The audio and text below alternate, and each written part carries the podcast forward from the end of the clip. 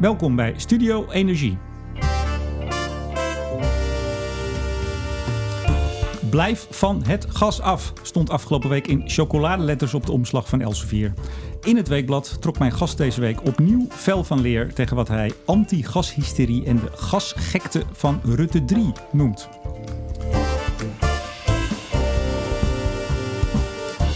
Er dreigt een regelrechte economische catastrofe en zelfs de democratie is ernstig in het gedrang. Al dus mijn gast. Hij is columnist, essayist en becommentarieert iedere week in Elsevier politiek en economie. Ik ga in gesprek met Siep Winia.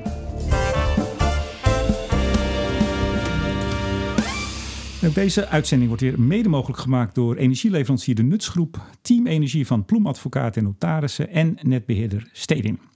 Meneer Winia, hartelijk welkom. Goedemiddag.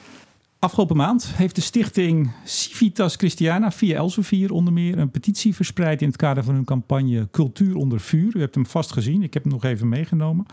Direct gericht aan meneer Rutte. Stop de groene gekte, geen aardgasverbod, luidt de oproep. Hebt u hem al opgestuurd? Ik zou je verbazen, ik ken het helemaal niet. Ik geef hem even. Ja, dank u wel. Ik, dat is nieuw voor mij. Tenminste, het kan ook zijn dat het gewoon uh, langs gewaaid is en dat ik, heb, dat ik het zo heb gelaten. Dat kan ook. Nou, ik, ik, ik dacht dat u ging zeggen, nou, ik heb andere manieren om uh, premier Rutte aan te spreken. Nee, ja, nou, dat zou je kunnen zeggen. Maar ik, ik spreek, naar ik aanneem, Nederlanders aan of Nederlandstaligen. En daar kan Rutte zich onder bevinden. Dat is mogelijk. Meer dan 15 jaar heeft al een column in Elsevier. Ja. Um, u maakt zich mag ik dat zeggen, opvallend boos over die anti-gashysterie, zoals u hem noemt? Ik dacht het niet hoor. Ik ben, boos ben ik niet. U zich het, het, is meer verbazing. En, en die verbazing, uh, daar, uh, daar schrijf ik over. Maar hebt u zich de afgelopen 15 jaar ook op andere onderwerpen op deze manier, nou ja, verbaasd, zullen we dan maar zeggen? Want ik vind u nogal fel van leer gaan. Uh, dat zullen betrokkenen vinden. maar nee, er is een tal van onderwerpen waar ik over schrijf. Ik ben generalist, hè?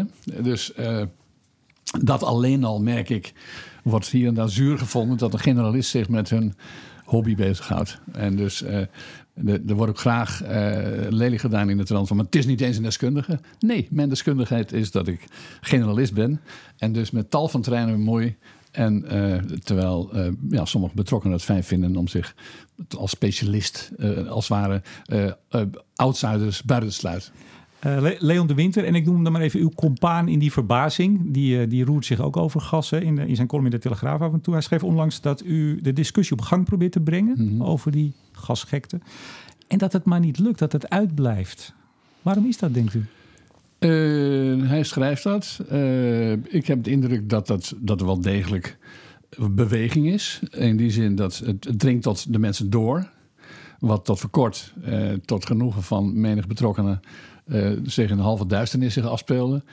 En, uh, en kijk, uh, het is pas echt op gang gekomen, de, de, wat je de anti-gas-hysterie zou kunnen noemen, in januari van dit jaar, onder de invloed van de aardbeving in Zeerijp, direct na de jaarwisseling.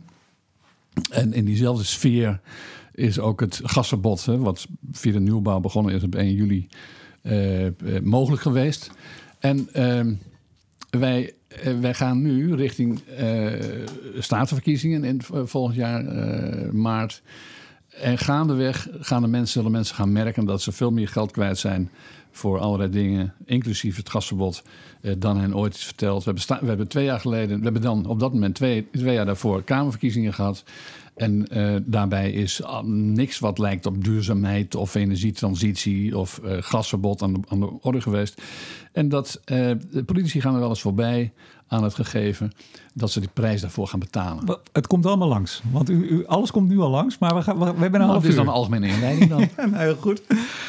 Iets anders. Vorige, nee, twee weken geleden was de Nogepa gasdag. Dan is de hele gassector ja. bij elkaar. Uh, ik mocht het middagdeel presenteren. En toen, het, zei ja. ik, toen zei ik tegen de sector: Ik zeg, nou, u hebt ook fans inmiddels, want ze liggen nogal onder vuur, dat is waar. Ja. Ik zeg, Sibinia. Ik zeg, zijn er ook fans van Siep in de zaal? Er was er één van de 300. Is dat nou omdat ze niet durven uit te komen dat ze misschien wel fijn vinden dat u die andere kant belicht? Of zouden ze echt geen fan zijn? Van uh, ik denk dat het de eerste is. Kijk, uh, het, dat het, vermoeden had ik al. Het gas, het gas is zo zwart gemaakt. Kijk, een van de meest treffende uh, zinsneders in, in, teksten van de laatste tijd vond ik het jaarverslag van Milieudefensie. In het jaarverslag van Milieudefensie daar staat open en bloot voor wie dat wil weten, staat er open en bloot, dat een fijn bijproduct van de aardbeving in Groningen is dat daardoor het gas een slechte naam heeft gekregen. En door het gas een slechte naam te geven, is er een emotiegolf ontstaan, waardoor het gasverbod en het afbreken van de infrastructuur mogelijk is. De angst in die gassector, is mijn indruk, is groot. Want mede door de aardbevingen, of misschien wel juist door de aardbevingen, ehm, is, het, is het gas in de, in de goed- en foutsfeer beland. Nou, in een moralistisch land als Nederland, en Nederland is niet het enige moralistische land, maar uh, er zijn er meer in Noord-Europa. Uh, maar als je hier, uh, laten we zeggen, de moraal aan de kant van je aan, aan, aan, je zijde hebt, dan kun je bijna alles omverhalen. En, ehm, en dus de animo in de gassector, dat is mijn beeld, uh, die is niet erg groot om te doen alsof ze tegen het gasverbod zijn.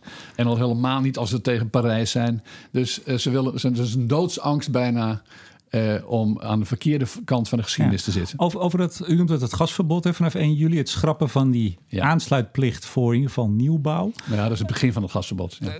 Uh, nou, dat, ja, dat zijn uw, dat zijn uw woorden. Um, um, u, het, het, viel me ook op in uw, in uw columns en ook wat tweetjes die ik langs zie komen van u. Dat u zegt van ja, dat is eigenlijk heel snel even de doorgejast. Hè? Ik mm -hmm. vat het even samen. Maar u weet toch dat er best al jarenlang in de Kamer over gesproken werd? Er is, er is, er is typisch een onderwerp van insiders. Uh, er is door insiders over gesproken. Een paar woordvoerders in de Tweede Kamer. Uh, maar al jaren geleden. Dus het is niet nou, van een paar maandjes zelfs, terug. Zelfs dat, best, zelfs dat is het bijna van snel. He, want het is pas in 2016 is het voor de eerst in de Tweede Kamer aan de orde geweest. En het is, komt echt zelden voor. Dat zo'n nou, wel iets eerder al, maar goed. Het nee, was, nou ja, u noemt dat recent. Nee, ja, maar dat, er, is, er is niemand die iets terug kan vinden van voor de zomer van 2016... dat iets serieus over het gasverbod in de Tweede Kamer aan de orde is geweest. Maar, maar wat noemt u dan serieus? Want het is er echt wel eerder over gegaan. Dat er ja, toch, zeker na 2013... Er is geen maatschappelijk debat van enig belang geweest. Dat is wat anders, ja? En dus dat er twee of drie Kamerleden zijn geweest... die, op de, die in Kielsof en Milieudefensie en, en een aantal uh, nutsbedrijven... Uh, of wat voor lobbypartijen dan ook... Uh, hebben bedacht dat het beste zou zijn... dat Nederland en het klimaat het beste geholpen zou zijn... door Nederland van het gas af te halen. Althans, de Nederlandse consument van het gas af te halen. Dat is, uh, dat is van zeer recente data. Als je nagaat dat alle grote besluiten in Europa of in Nederland... die kosten probeer maar eens een nieuwe weg aan te leggen. Dat kost je een halve eeuw. Maar in 2013 is natuurlijk dat energieakkoord uh, uh, gesloten. Ja. Dat was eigenlijk toch wel het grote begin van waar. Er staat niet in dat Nederland van het gas af moet. Dat stond daar niet in, maar dat is wel het begin geweest van die discussie over moeten we niet eens van dat gas af in de huizen. Ja, maar dat kan. Het is denkbaar dat daar onder zelfbenoemde deskundigen, dat zit vooral in deze sector ook, en het hele klimaatakkoord zit vol met deskundigen, die mensen zichzelf deskundig hebben gemaakt. En daarmee vindt andere... u niet? U vindt ze niet deskundig? Ik deskundig? Ik claim geen deskundigheid. Nee, ik zeg, u vindt uh, die nou ja, persoon Kijk, deskundigheid wordt gebruikt om, een, om, een, de, om, net als in de katholieke kerk, en de, de, die, die werkt al 2000 jaar met wisselend succes uh, aan, het, aan in het systeem van leken en, uh, en, en, de, en de insiders. Dus de bisschoppen en hun personeel. Dat precies datzelfde mechaniek wordt hier ook toegepast door uh, de, iedereen die, die geen, geen, geen, niet kan claimen deskundig te zijn, uit te sluiten als onvolwaardig deelnemer van het debat. Refereert u ook aan wat Twitter-interacties die ik wel eens zie langskomen... waarin u daarop wordt aangesproken? Da, dan gaat het natuurlijk hetzelfde, maar eigenlijk ja. gebeurt het de hele, hele tijd. Hè? Dus ja. uh, als je niet aan tafel zit, ook al is het maar in werkgroep B82 van het klimaatakkoord... dan heb je geen recht om, om deel te nemen. En dat geldt zelfs voor Tweede Kamerleden natuurlijk. Ik bedoel, uh, en voor, die, die, die zijn natuurlijk ook vaak helemaal... weten ze ook niet van, van hun gezond. Hè? Dus het, het gasverbod, zoals dat op 1 juli begonnen is... daar is... U blijft het gewoon uh, gasverbod noemen, hè? Zeker, als je een toelichting wilt hebben, dan geef ik die graag. Nou, dan komen we zo. Maar ik wil, ik wil okay. even nog... Ik wil het eigenlijk even over, over... is het eigenlijk wel nodig? Hè? Want u zegt dat gasverbod... en dat is allemaal snel er doorheen gejast... en waarom moet het eigenlijk? Ik vat het maar kort samen. Het gaat ja. heel veel kosten. Ik zei het in de inleiding. Democratisch uh, gehalte is buitengewoon gering. En dan zeg ik het netjes. Ja. Maar even een heel simpele vraag. Vindt u dat Nederland wel, misschien wat langzamer, van dat gas af moet op termijn? Gewoon even algemene vraag. Nee, Nederland hoeft niet van het gas af. Er is heel veel gas. En gas is uh, relatief schoon. Gas is beschikbaar. Dat, dat, zegt u altijd, hè? Maar, is het niet zo? Nou ja, het is schoner dan kolen. Maar het is een beetje hetzelfde als u zegt tegen mij... ik ga je vier klappen geven of twee. En dan zeg ik, nou, nou doe, ja. doe dan maar twee. Maar als ik een nul kan krijgen... Kijk, dan het is natuurlijk heel fijn als wij voor de zoveelste keer denken... dat wij in Nederland het ei moeten uitvinden... Maar de, de grap is dat gas niet voor niks in de rest van de wereld, ook in, tegen een achtergrond transitie en klimaat, als een oplossing wordt gezien. Ook al is het even tot ja, voor een hele. Nee, maar toch even. Een halve eeuw is geweldig lang. Hè? Als het nou de helft is van kolen, maar we zouden even, denk even met me mee. We, zouden er vanaf kunnen. We kunnen inderdaad, stel even op zon en wind, op schone energie, ook geen andere vervuiling. Uh, we kunnen dat zelf hier opwekken. Dat moet u toch ook aanspreken? Dan zou dat, dan zou dat morgen moeten. Daar ben ik groot voorstander van. Ik ben wel groot morgen? Nou ja, als, als wij morgen een, uh, een, een, wereld hebben waarin uh, het klimaat niet uh, door de mens wordt aangetast. En waar de lucht niet wordt vervuild. En het water ook niet. En de bodem evenmin. Dan, dan tik ik daar onmiddellijk ja voor. Maar dit is toch een, een stap daarin? Of nou, dat is, dat is ook zo'n fijn woord. Stappen maken is het woord. ja? Het is allemaal. Nee, maar ga er even op in. Is, dat, is dit niet een stap in? Nee, dat is het niet. Okay. het gebruik van gas is in de hele wereld om goede redenen. Uh, en misschien van tijdelijke aard, maar die tijdelijkheid, dan praten we al gauw over een halve eeuw. Een uh, hele fijne uh, oplossing voor de time being.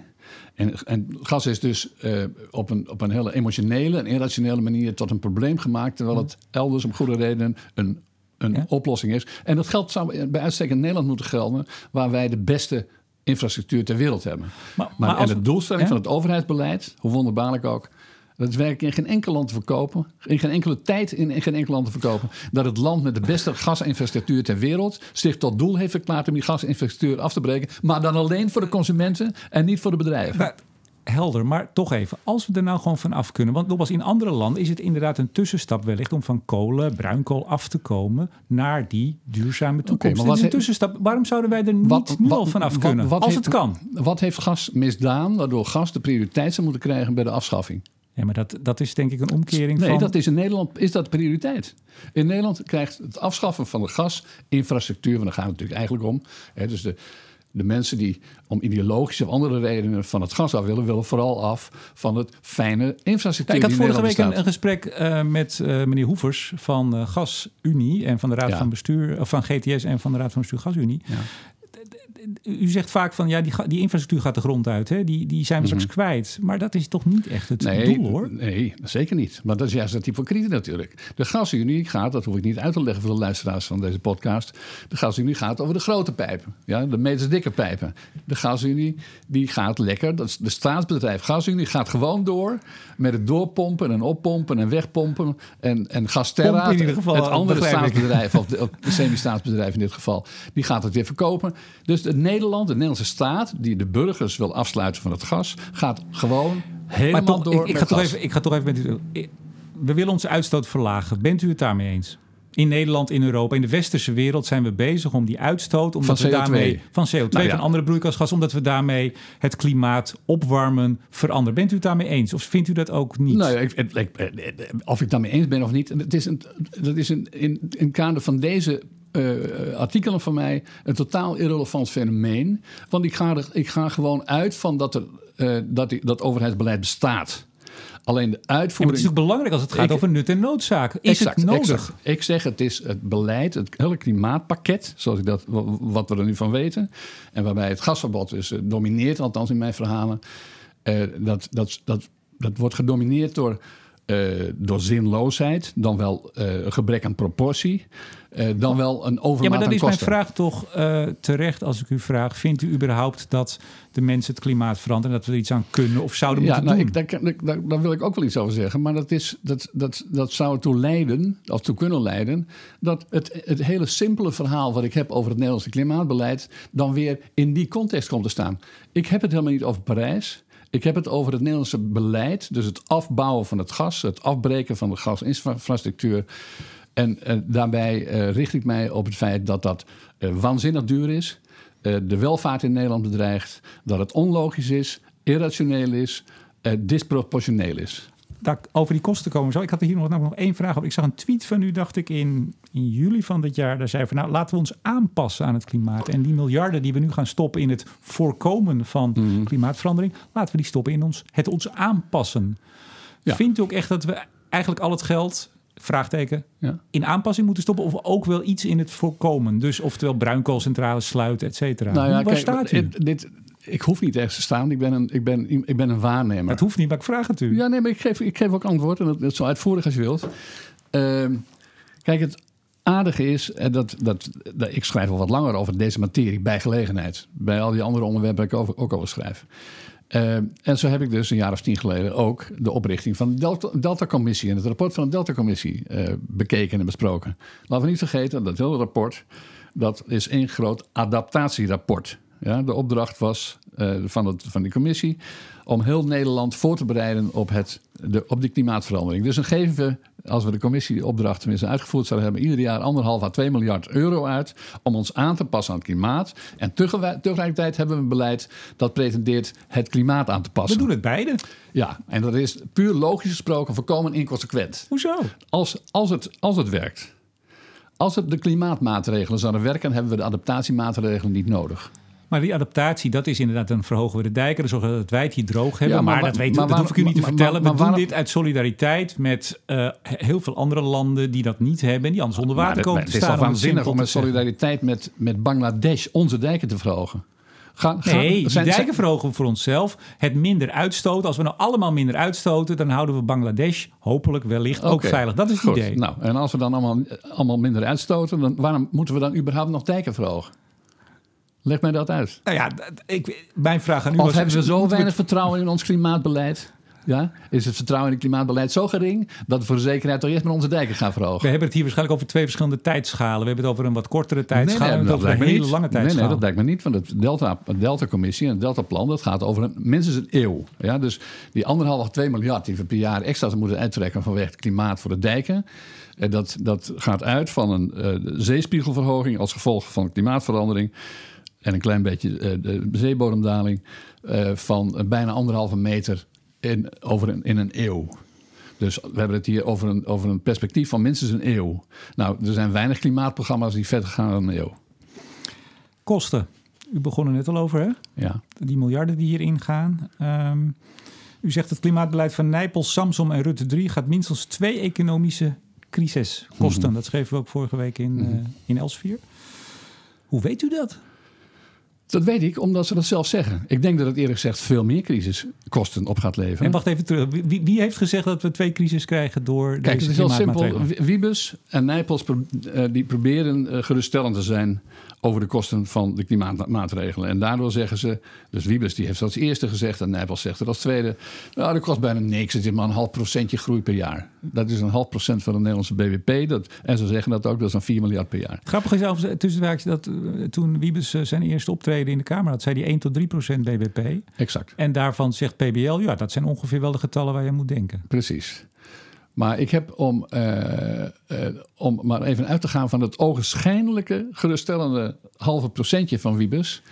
Dan, dat is cumulatief, kom je dan uh, iets meer dan, dan 16, dus 17 procent ongeveer uit over de komende 30, 32 jaar. In de periode tot 2050. We praten over pakweg 400, 500 miljard wat we op tafel moeten nee, leggen. Nee, nee, nee, nee. Dat zijn, laten we even, ja? laten even We gaan even het sommetje maken. We gaan eerst de berekening van die half procent. Dus wat, de geruststellende half procent van Wiebes, laat ik daar meteen al van zeggen.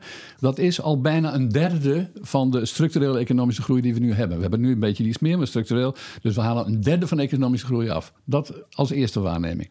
Ten tweede, als je dat de komende decennia, de komende 30 of misschien iets meer jaren uh, dus in richting 2050 ieder jaar een half procent van de economische groei afhaalt, dan lever je over die periode ruwweg 17 procent uh, economische groei. Maar, dat, dat betekent dat Nederlandse BBP 17 procent in heeft. Nee, maar wacht, even. ik, ga even ik, ik, maak de rekensom af. En dan, uh, de luisteraar, zelfs deze geïnteresseerde luisteraar, die hangt, hangt dan, die haakt anders af. Dus het is 17 procent. We hebben dan in 2050 een 17 procent kleiner BBP dan we zonder deze klimaatmaatregelen zouden hebben gehad. Dat is niet wat ik zeg, dat is wat Wiebe zegt. En, en, en zijn cijfers zijn eerlijk gezegd dat weet iedereen. Het is minder dan hij zelf eerder heeft gezegd. Het is minder dan de werkelijkheid zal zijn. En vooral duidelijkheid, de structurele effecten op het BBP van de economische crisis van 2008 was 8% Ja, dus we leveren twee economische crises in op kosten van het klimaatbeleid. Ik ga nu weer iets zeggen. Mag dat? Natuurlijk.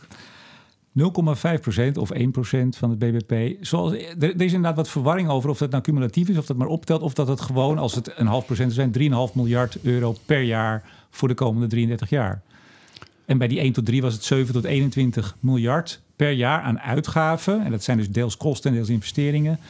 dat is toch iets anders dan het cumulatief dat je op 17% minder BBP zit? Als, als hij, ik ga gewoon uit van het, uit het niets. Ik ga de allerlaagste, het allerlaagste geruststellend bedoelde of percentage. Het optelt of dat het gewoon kosten zijn die per jaar gemaakt worden. Nee, hij zegt zelf, nee, nee, het is heel simpel. Ik, ik citeer hem. Gaat ieder jaar een half procent economische groei aan op. Dat is wat hij zegt. Dat betekent dat het ieder jaar weer is. Dan gaat ook ieder jaar weer een half procent van het steeds kleiner geworden BBP af. Op die manier. En dat leidt. Ik ga niet over 1 8 ijs natuurlijk, over dit type berekeningen. Ik heb het nagevraagd bij het CPB. Ik heb hier en daar een hoogleraar economie naar laten kijken. Uh, wij, ons, maar let wel, dit is dan op basis van een vals cijfer. Ja? Dus het vals, een vals naar beneden bijgesteld cijfer van een half procent. Het is al maar wat is het? Een zesde van wat hij eerder als maximum heeft aangegeven. Maar, maar u, u schrijft, er zijn twee crises die uh, hierdoor ontstaan. Nee, nee. En, uh, luister, het is heel simpel. Twee economische crisis, uh, ja, ja, nee, ik. Precies. Het is net wat ik net ook al zei, maar ik herhaal het graag. De economische crisis van 2008 en verder, die heeft structureel... Oh, je bedoelt twee keer dat... Structureel de Nederlandse economie 8% kleiner gemaakt. Dus als wij vinden dat het oké is om op basis van het klimaatbeleid onze economie uh, door het ernstig schade te berokkenen, dan moeten we accepteren dat zelfs volgens die misleidende kleine, dat kleine half procentje van, van Wiebes, uh, wij uh, twee uh, economische crisis van het soort van 2008 en verder voor ons rekening moeten nemen. Maar u zegt misleidend. ja. Het is misleidend omdat, omdat het om niets gestoeld is. We hebben nog geen enkele berekening gezien. Dus dat halve procentje van hem hebben we het over. Hè? Er bestaat geen enkel verband tussen enige... Maar dan weet toch ook niet of het misleidend is? Dat weet ik wel. Misschien is het wel goed. Het is, om te beginnen is het, zoals je zelf net al aangaf... hij heeft zelf over veel hogere percentages gesproken. Uh, dus het, waarom het nu plotseling gedaald is naar een half procent is, is merkwaardig.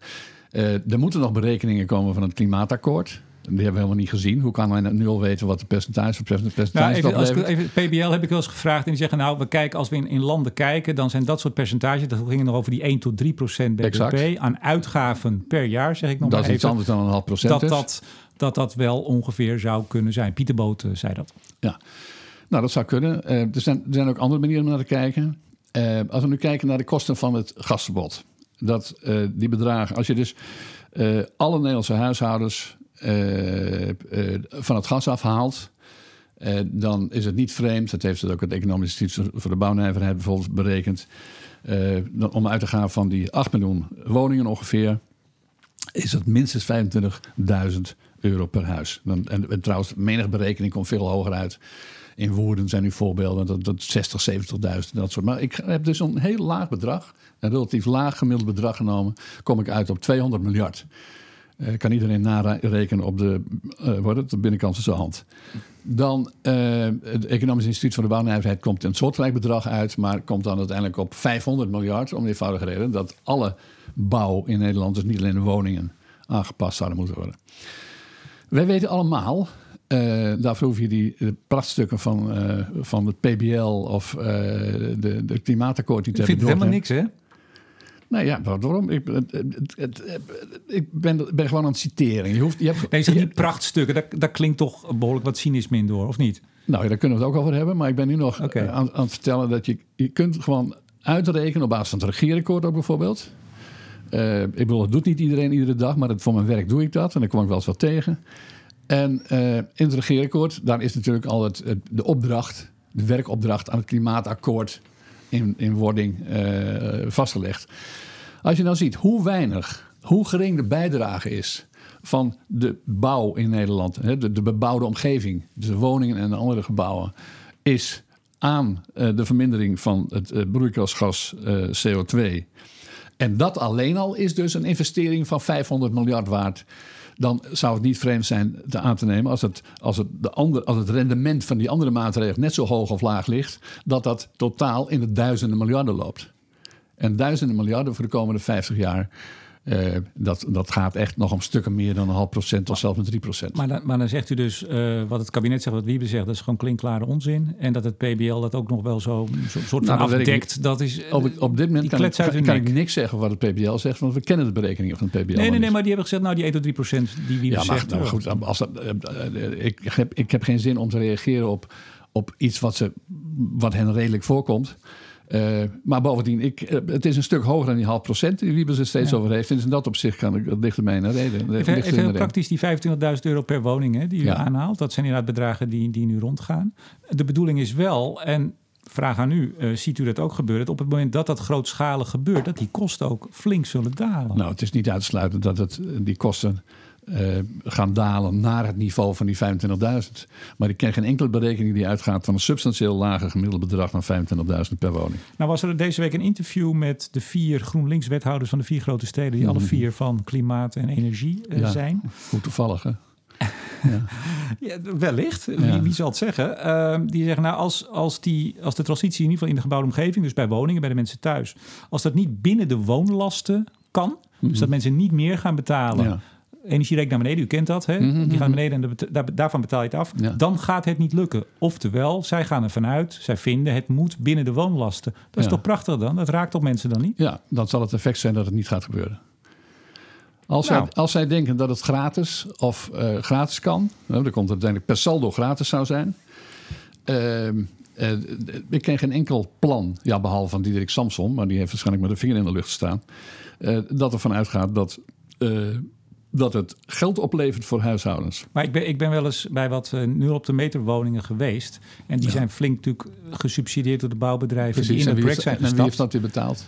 Nee, maar wacht even. Maar, maar dus dat, de, dat je echt een substantiële uh, energierekeningverlaging uh, krijgt door heel erg te gaan isoleren, dat is gewoon een feit. En dat je vervolgens hetzelfde bedrag blijft betalen. Ik was bij mijn vrouw in Schagen. Mm. Die betaalt nog steeds 150 euro per maand. Maar daarvan wordt die verbouwing afbetaald in, nou pak een beet, 30 jaar. Dat is toch, dat is toch prima? Ja, als, het, als de berekening zou kloppen, dan waarom gaan we dan niet allemaal massaal vandaag al over op die maatregel? Nou, dat is inderdaad de vraag. Waarom geen ja, partij Als het voordeel zo waanzinnig goed is, zo gigantisch groot is, waarom moeten overheid dit dan opleggen, afdwingen. Uh, en met uh, prijsmaatregelen, dus het, de gasprijs verhogen en de stroomprijs verlagen, uh, semi-dwingen.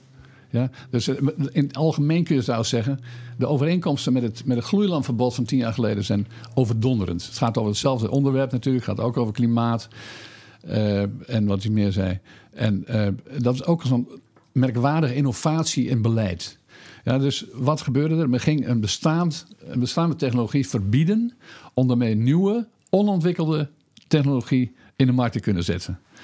Dat is nooit eerder vertoond in de geschiedenis. Of het komt zelden voor dat, het, dat op deze manier de overheid mensen dwingt tot een consumptiegedrag. Uh, omdat men om ideologische reden bedacht heeft dat het ene product beter is dan het andere. En nogmaals, de overeenkomst is: de, de nieuwe technologie is nog niet eens uitontwikkeld. Maar om het in de markt te kunnen zetten, ga je de oude technologie vast verbieden. Maar de, de overeenkomst met het gasverbod is totaal. Maar het, het, idee is natuurlijk, maar goed, als, je, als, we, als u dat niet uh, ziet of, of afwijst, dat, dat het een voordeel oplevert uiteindelijk voor het klimaat. Daar begint en eindigt natuurlijk alles mee.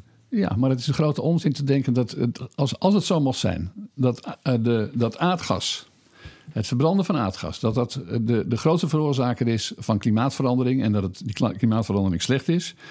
Uh, dan zou je dat kunnen overwegen. Maar niemand zegt dat het de grootste is natuurlijk. Het gaat erom nee, overal een beetje, ja, maar, alle beetjes helpen. dat is het idee. Maar waarom wordt dan als enige land ter wereld gaat dan het land met de beste infrastructuur op punt van aardgas tot als enige tot eerste prioriteit maken dat het aardgas afgebroken moet maar worden. ik denk toch niet dat Nederland het enige land is wat wel. probeert over te schakelen op, op schone energie. Nee, er zijn heel veel Ik heb het nu over het gas. Er is maar één land ter wereld wat ik ken dat dat prioriteit heeft verklaard. Ja. nou ja, noem zelf een ander land. Het bestaat ja, gewoon niet. kijk, bestaat, er is geen land ter wereld. De hele, dat heb ik ontdekt de afgelopen jaar. Er is in de hele business. Iedereen kijkt met verbazing naar gasland nummer één.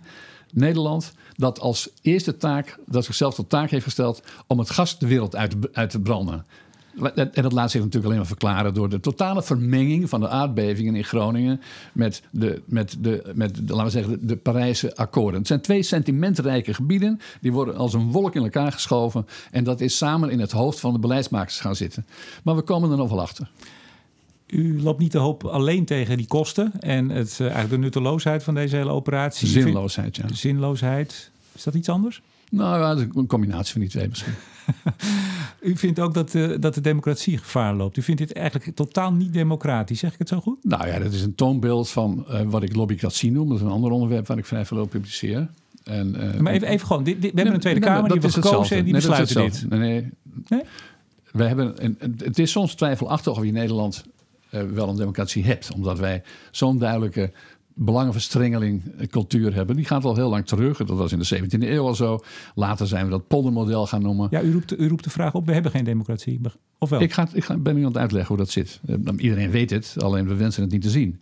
Maar kijk, we hebben een lange traditie in het land. Laat ik het beperken tot een naoorlogse situatie... waarbij, eh, waarbij alle belangrijke besluitvorming... als het politiek even uitkwam werd uitbesteed aan tegengestelde polen in de samenleving. Dus de, de ondernemers die, eh, die mochten samen met de vakbeweging besluiten wat de loonontwikkeling was, tenzij de regering zelf ingreep, maar dat ze zeiden. Die traditie is een, als zodanig niet geen democratie zoals bedoeld is. Dan ga je belangenclubs, dan ga je bedrijven, dan ga je, die, die ga je het recht geven om jouw beleid uit te maken. Dat gebeurt in extremo nu hier.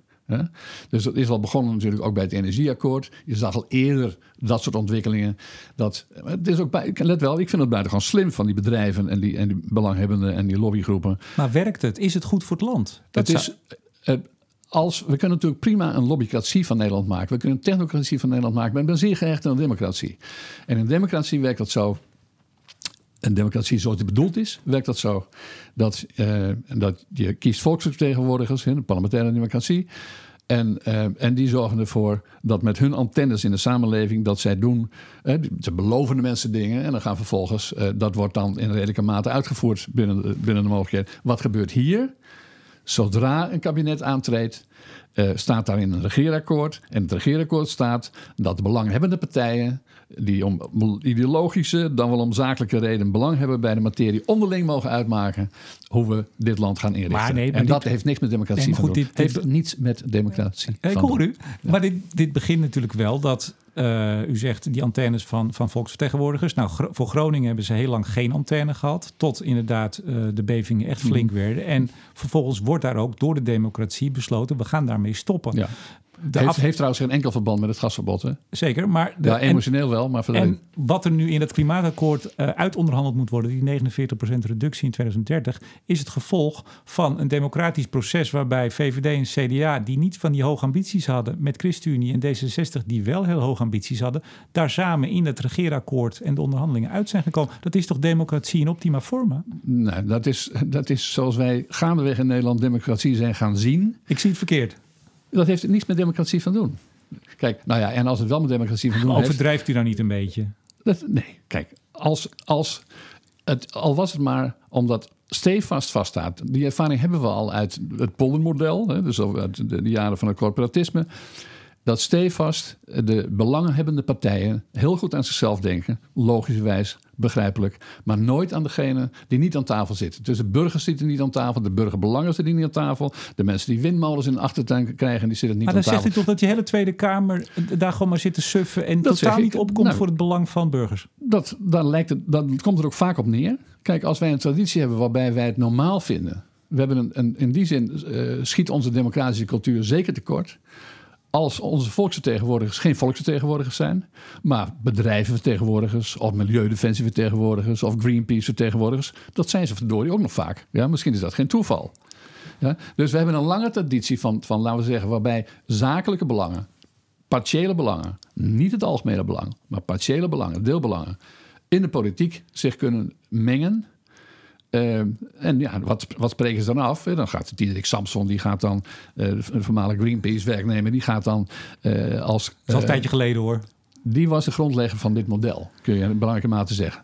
die heeft, bij, die, toen hij met Rutte aan het onderhandelen was in 2012 uh, dat idee van het uh, door de belanghebbende partijen te ontwikkelen uh, energieakkoord ingebracht. En dat model wordt nu uitgebreid naar het klimaatakkoord. Maar, vindt, u dan toch even, want inderdaad begonnen al heel lang geleden en, en de vakbeweging.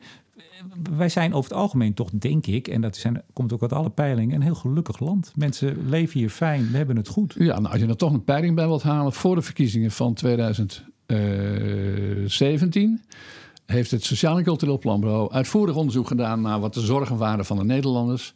En minder dan 1% was voor een, in het kwartaal wat zij onderzochten van de Nederlanders, had als doelstelling nummer 1 uh, eh, klimaat, energietransitie, duurzaamheid of wat is meer zij. Klopt, maar ik had het even over het algehele... Nee, ja, dit is algemeen. Direct na de verkiezingen bleek dat, uh, terwijl geen enkele partij moeite had gedaan om deze thema's tot, tot op de top van de verkiezingen te bespreken. Direct na de verkiezingen bleek dat, dat men bereid was om een compleet economisch beleid op te hangen aan dezezelfde thema's. Nou ja, als, als, daar, dat is natuurlijk geen wonder dat je niet alleen in Nederland, uh, maar ook in andere landen, daardoor uh, revolte-achtige neigingen krijgt. Zoals Sibrand Buma nu ook aankondigt, het Sibrand Buma van het, van het CDA. Maar ik zag bijvoorbeeld ook in Duitsland, waar, waar je, je hebt nu een nieuwe beweging aan de linkerzijde.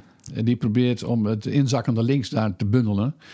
Uh, en die mevrouw van die Linke, die zegt nadrukkelijk ook dat al die besluiten die de mensen die daar in Duitsland zijn genomen buiten de mensen om, waarbij de pensioenen naar beneden gaan en de klimaatkosten en energiekosten omhoog, uh, dat, daar, uh, dat, dat, dat dat bestreden moet worden. Dus het, het zijn allemaal van die tekenen die aangeven dat de wereld, dat die insiders, totale insiderspolitiek rond, rond klimaatmaatregelen en, en gasverbod, dat die eindig zijn en dat we bezig zijn, dat we bezig zijn om daarmee een maatschappelijke revolte uit te roepen. En dat zou niet vreemd zijn als die reactie op deze ondemocratische beleidsvorming zou ontstaan. Maar dat is dan toch democratie? Als er in Duitsland eh, die, die linken en als, als Buma hier al ziet van dit gaat misschien wel fout, hier moet maar dat, dat, is toch democratie? Ja, maar dat wordt dan een correctie op de democratie, democratische processen zoals we die tot dusver hebben gekend. En daar maak ik, daar maak ik melding van. Maar, maar dat energieakkoord uit 2013, uh, eh, we lopen daar flink achter op de doelstelling. Omdat heel veel van bijvoorbeeld de windparken, uh, daar liggen we achter. Dat heeft minister Wiebes nu ook toegegeven. Het vorige kabinet zei nog, nou dat gaan we allemaal wel redden. Mm. Nou, Wiebes zegt nu niet.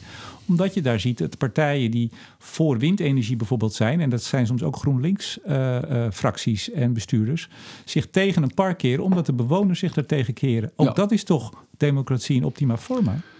Nou ja, eh, al, die, al die mensen die dat park al in hun uh, achtertuin hebben gekregen, ja. zonder dat willen. Ja, doen die mensen er niet toe. Er zijn, het is werkelijk, je hoeft alleen maar de lange lijst van, van ergernissen. Er zijn hele gemeenschappen die elkaar worden geslagen. We betalen een hoge prijs voor het klimaat en misschien zijn er betere routes naar het klimaat. Dictatoriaal noemt u het, hè? zag ik in de Bali in uw, uh, uw toespraak. Dat zou kunnen. Ja, dat heeft dictatoriale kenmerken. En als, die moeten niet verstandig kijken als, daar, als de reactie ook uh, van dezelfde soort zal zijn. Ik wil geen dictatoriale reactie, maar dat, dat dat onder de bevolking wel degelijk zo wordt opgevat. Dat er achter ons om, buiten ons om uh, de, de, mensen zijn die we nooit hebben gekozen, maar wel alle bevoegdheden krijgen om over onze nek heen uh, en op onze kosten. Ja, maar, sorry, maar toch nog even, maar mandaat hebben van onze volksvertegenwoordiging, die ja. u dus eigenlijk geen legitieme volksvertegenwoordiging nou ja, vindt. Als, als, als een volksvertegenwoordiging niet werkt zoals een volksvertegenwoordiging is bedoeld, dan zullen we daar een backlash van zien. Dan zal, hè, dat gaat niet alleen op dit terrein. We hebben dat natuurlijk al in heel Europa en in de westerse wereld, het punt van immigratie, waarbij overheden voortdurend beleid hebben gevoerd waarvan, laten we zeggen, de burgers de rekening gepresenteerd krijgen. Uh, het heeft alles in zich om uh, dat het klimaatbeleid, en specifiek in Nederland het, ook het antigasbeleid, een soortgelijke uh, het, boemerang-effect teweeg kan gaan brengen. En, en, is dat misschien ook wat de Nationaal Coördinator Terrorismebestrijding, wat was het, vorige week, twee weken geleden schreef, dat we de windmolen terrorisme Zoals eh, die groepen nou, ja, zijn nadrukkelijk op de, op de radar? Nou ja, misschien. Ik, ik doel daar weliswaar niet op. Uh, maar dat is dan de backlash die je kunt dat, verwachten. Dat, dat ja, mensen recht in eigen hand nemen. Zeker, dat kan. Uh, dat juich ik niet toe, maar het is ook niet onbegrijpelijk. U loopt al een flinke tijd mee uh, we gaan afronden overigens, zeg ik er even okay. bij. Um, Zo ben ik ook journalist geworden, dat zal ik maar zeggen. Nee, maar je hebt in, uh, in Brussel gezeten in de jaren 90 als correspondent. Heel lang in Groningen gewoond. Ik ken die provincie op, op een duimpje. U was daar op, in, de, in de cultuur actief, hè, zag ik. Dat ook? wist ik niet. Ja. ja. Maar u, hebt ook, uh, u was chef politiek van, van Parool. U, mm -hmm. u weet hoe de hazen lopen in Den Haag. U zit er dicht bovenop. Um, hoe, hoe gaat dit verder? Dit hele klimaatbeleid en de politiek. Daar hebt u vast een beeld bij. Ja, nou, samengevat komt het wel op neer dat de, uh, ondanks alle uh, lessen die getrokken zouden kunnen worden hè, de afgelopen decennia, met name sinds de eeuwwisseling, de opkomst van Van Tuin in Nederland. Uh, de, in het buitenland is me al wat langere tijd verbaasd over de volatiele verkiezingsuitslagen in Nederland sinds 1994 eigenlijk al. Die zou je wellicht kunnen verklaren uit het feit dat, uh, dat politici uh, het hier altijd tamelijk gewoon hebben gevonden om paternalistische besluitvorming te plegen. Dat dateert allemaal uit de tijd van de, uh, van de verzuiling. je stemde iedere keer ongeveer op dezelfde partij. En de meneer Pastoor of de dominee vertelde wel welke partij dat moest zijn als je dat al niet wist. dat zit, denk ik, vrees ik, nog heel erg in, het, in, het, in de hoofden van de bestuurders. Terwijl ondertussen de kiezers al lang geëmancipeerd zijn. En, uh, en die geëmancipeerde kiezer, die, uh, die pikt het niet. Uh, als er voortdurend en systematisch tegen hun belangen in wordt besloten. Ik schreef deze week in het Financieel Dagblad. Rutte zei in juli op een bijeenkomst, een besloten bijeenkomst in Den Haag voor energieprofessionals. Nederland gaat niets meer doen dan Europa. Wij gaan gewoon in de pas lopen bij Europa. Stelt u dat iets meer gerust? Nee, helemaal niet. Want het past natuurlijk wel heel erg in, in de manier van werken van Rutte. Die, die, hij kwam toen net uit, uit Brussel vandaan, waar hij in een toespraak bij het Europees Parlement, maar ook in onderhandelingen, nog had, had aangedrongen op, een, op veel hogere ambities in Europa. De Nederlandse ambities die zijn al sterker, al hoger dan de Europese. Maar is het er niet gewoon een kwestie van heel veel ambitie uitstralen, maar toch eigenlijk gewoon keurig in de pas nou Ja, maar dat is haast nog erger. Hè? Als je, als je, uh, als je, als je voortdurend roept of naar believen roept dat je ambities hebt, terwijl je helemaal niet van plan bent om die ambities uit te voeren, is dat dan niet kiezersbedrog van de eerste orde? Maar goed, nog eens, hoe, hoe, hoe, gaat dit verder dan? Gaan die ambities straks naar beneden of gaat dit gewoon knallen? Nou, ik zal je zeggen, ik hoor uh, altijd maar weer geruststellend. Maar maak je dan niet zo druk. Ik maak me trouwens niet overdreven druk, naar mijn idee. Maar goed, dat, uh, daar kun je wel van mening verschillen. Maar uh, maak niet zo druk, want het komt er toch niet van. Maar daar neem ik geen genoegen mee als er in het regeerakkoord allerlei doelstellingen worden, worden afgesproken, ook al sluit dat niet aan op verkiezingsdebatten of wat dan ook, dan, uh, dan dien je dat als. Dan dien je daarbij de kiezers van Nederland, de burgers van Nederland, de consumenten van Nederland uh, serieus te nemen. En dan, dan, die moeten dan op kunnen rekenen dat je dat ook wilt. Zelfs als die burgers van Nederland dat niet willen. Als de eigenlijke doelstelling luidt van nou, we lopen er toch met het, het, het, de wal keert het schip wel, het komt er toch niet van, dan ben je pas echt met kiezersbedrog bezig en dan gaat er een hoge prijs op betaald worden. Ik zei net al, u loopt al heel lang mee. U zult ook geleerd hebben dat de werkelijkheid uh, tot op grote hoogte ook niet uh, voorspelbaar is. Hoe groot is de kans dat u er eigenlijk falikant naast zit? Maar op welk punt? Op welke bewering? Nou, dat, dat, dat dit fout gaat. Oh, dat, uh, als. Kijk, ik, ik kritiseer gewoon het beleid zoals dat zich aan het ontwikkelen is. Als dat beleid niet op die manier tot stand komt, dan zal, dan zal de reactie daar ook op niet naar vanand zijn. Maar als het zo is dat wij grote economische tegenslag incasseren, omdat we willens en wetens het duur beleid gaan introduceren, wat misschien nog zinloos is ook. Uh, dan zou het vreemd zijn als ik door mij geschetste uh, geëmancipeerde burger uh, daar geen maatregelen op overweegt. Dan gaat het gebeuren. Nou, er gaat iets gebeuren. Dat, het, dat, het is de tijd dat, dat mensen alles maar over zich heen laten komen is voorbij.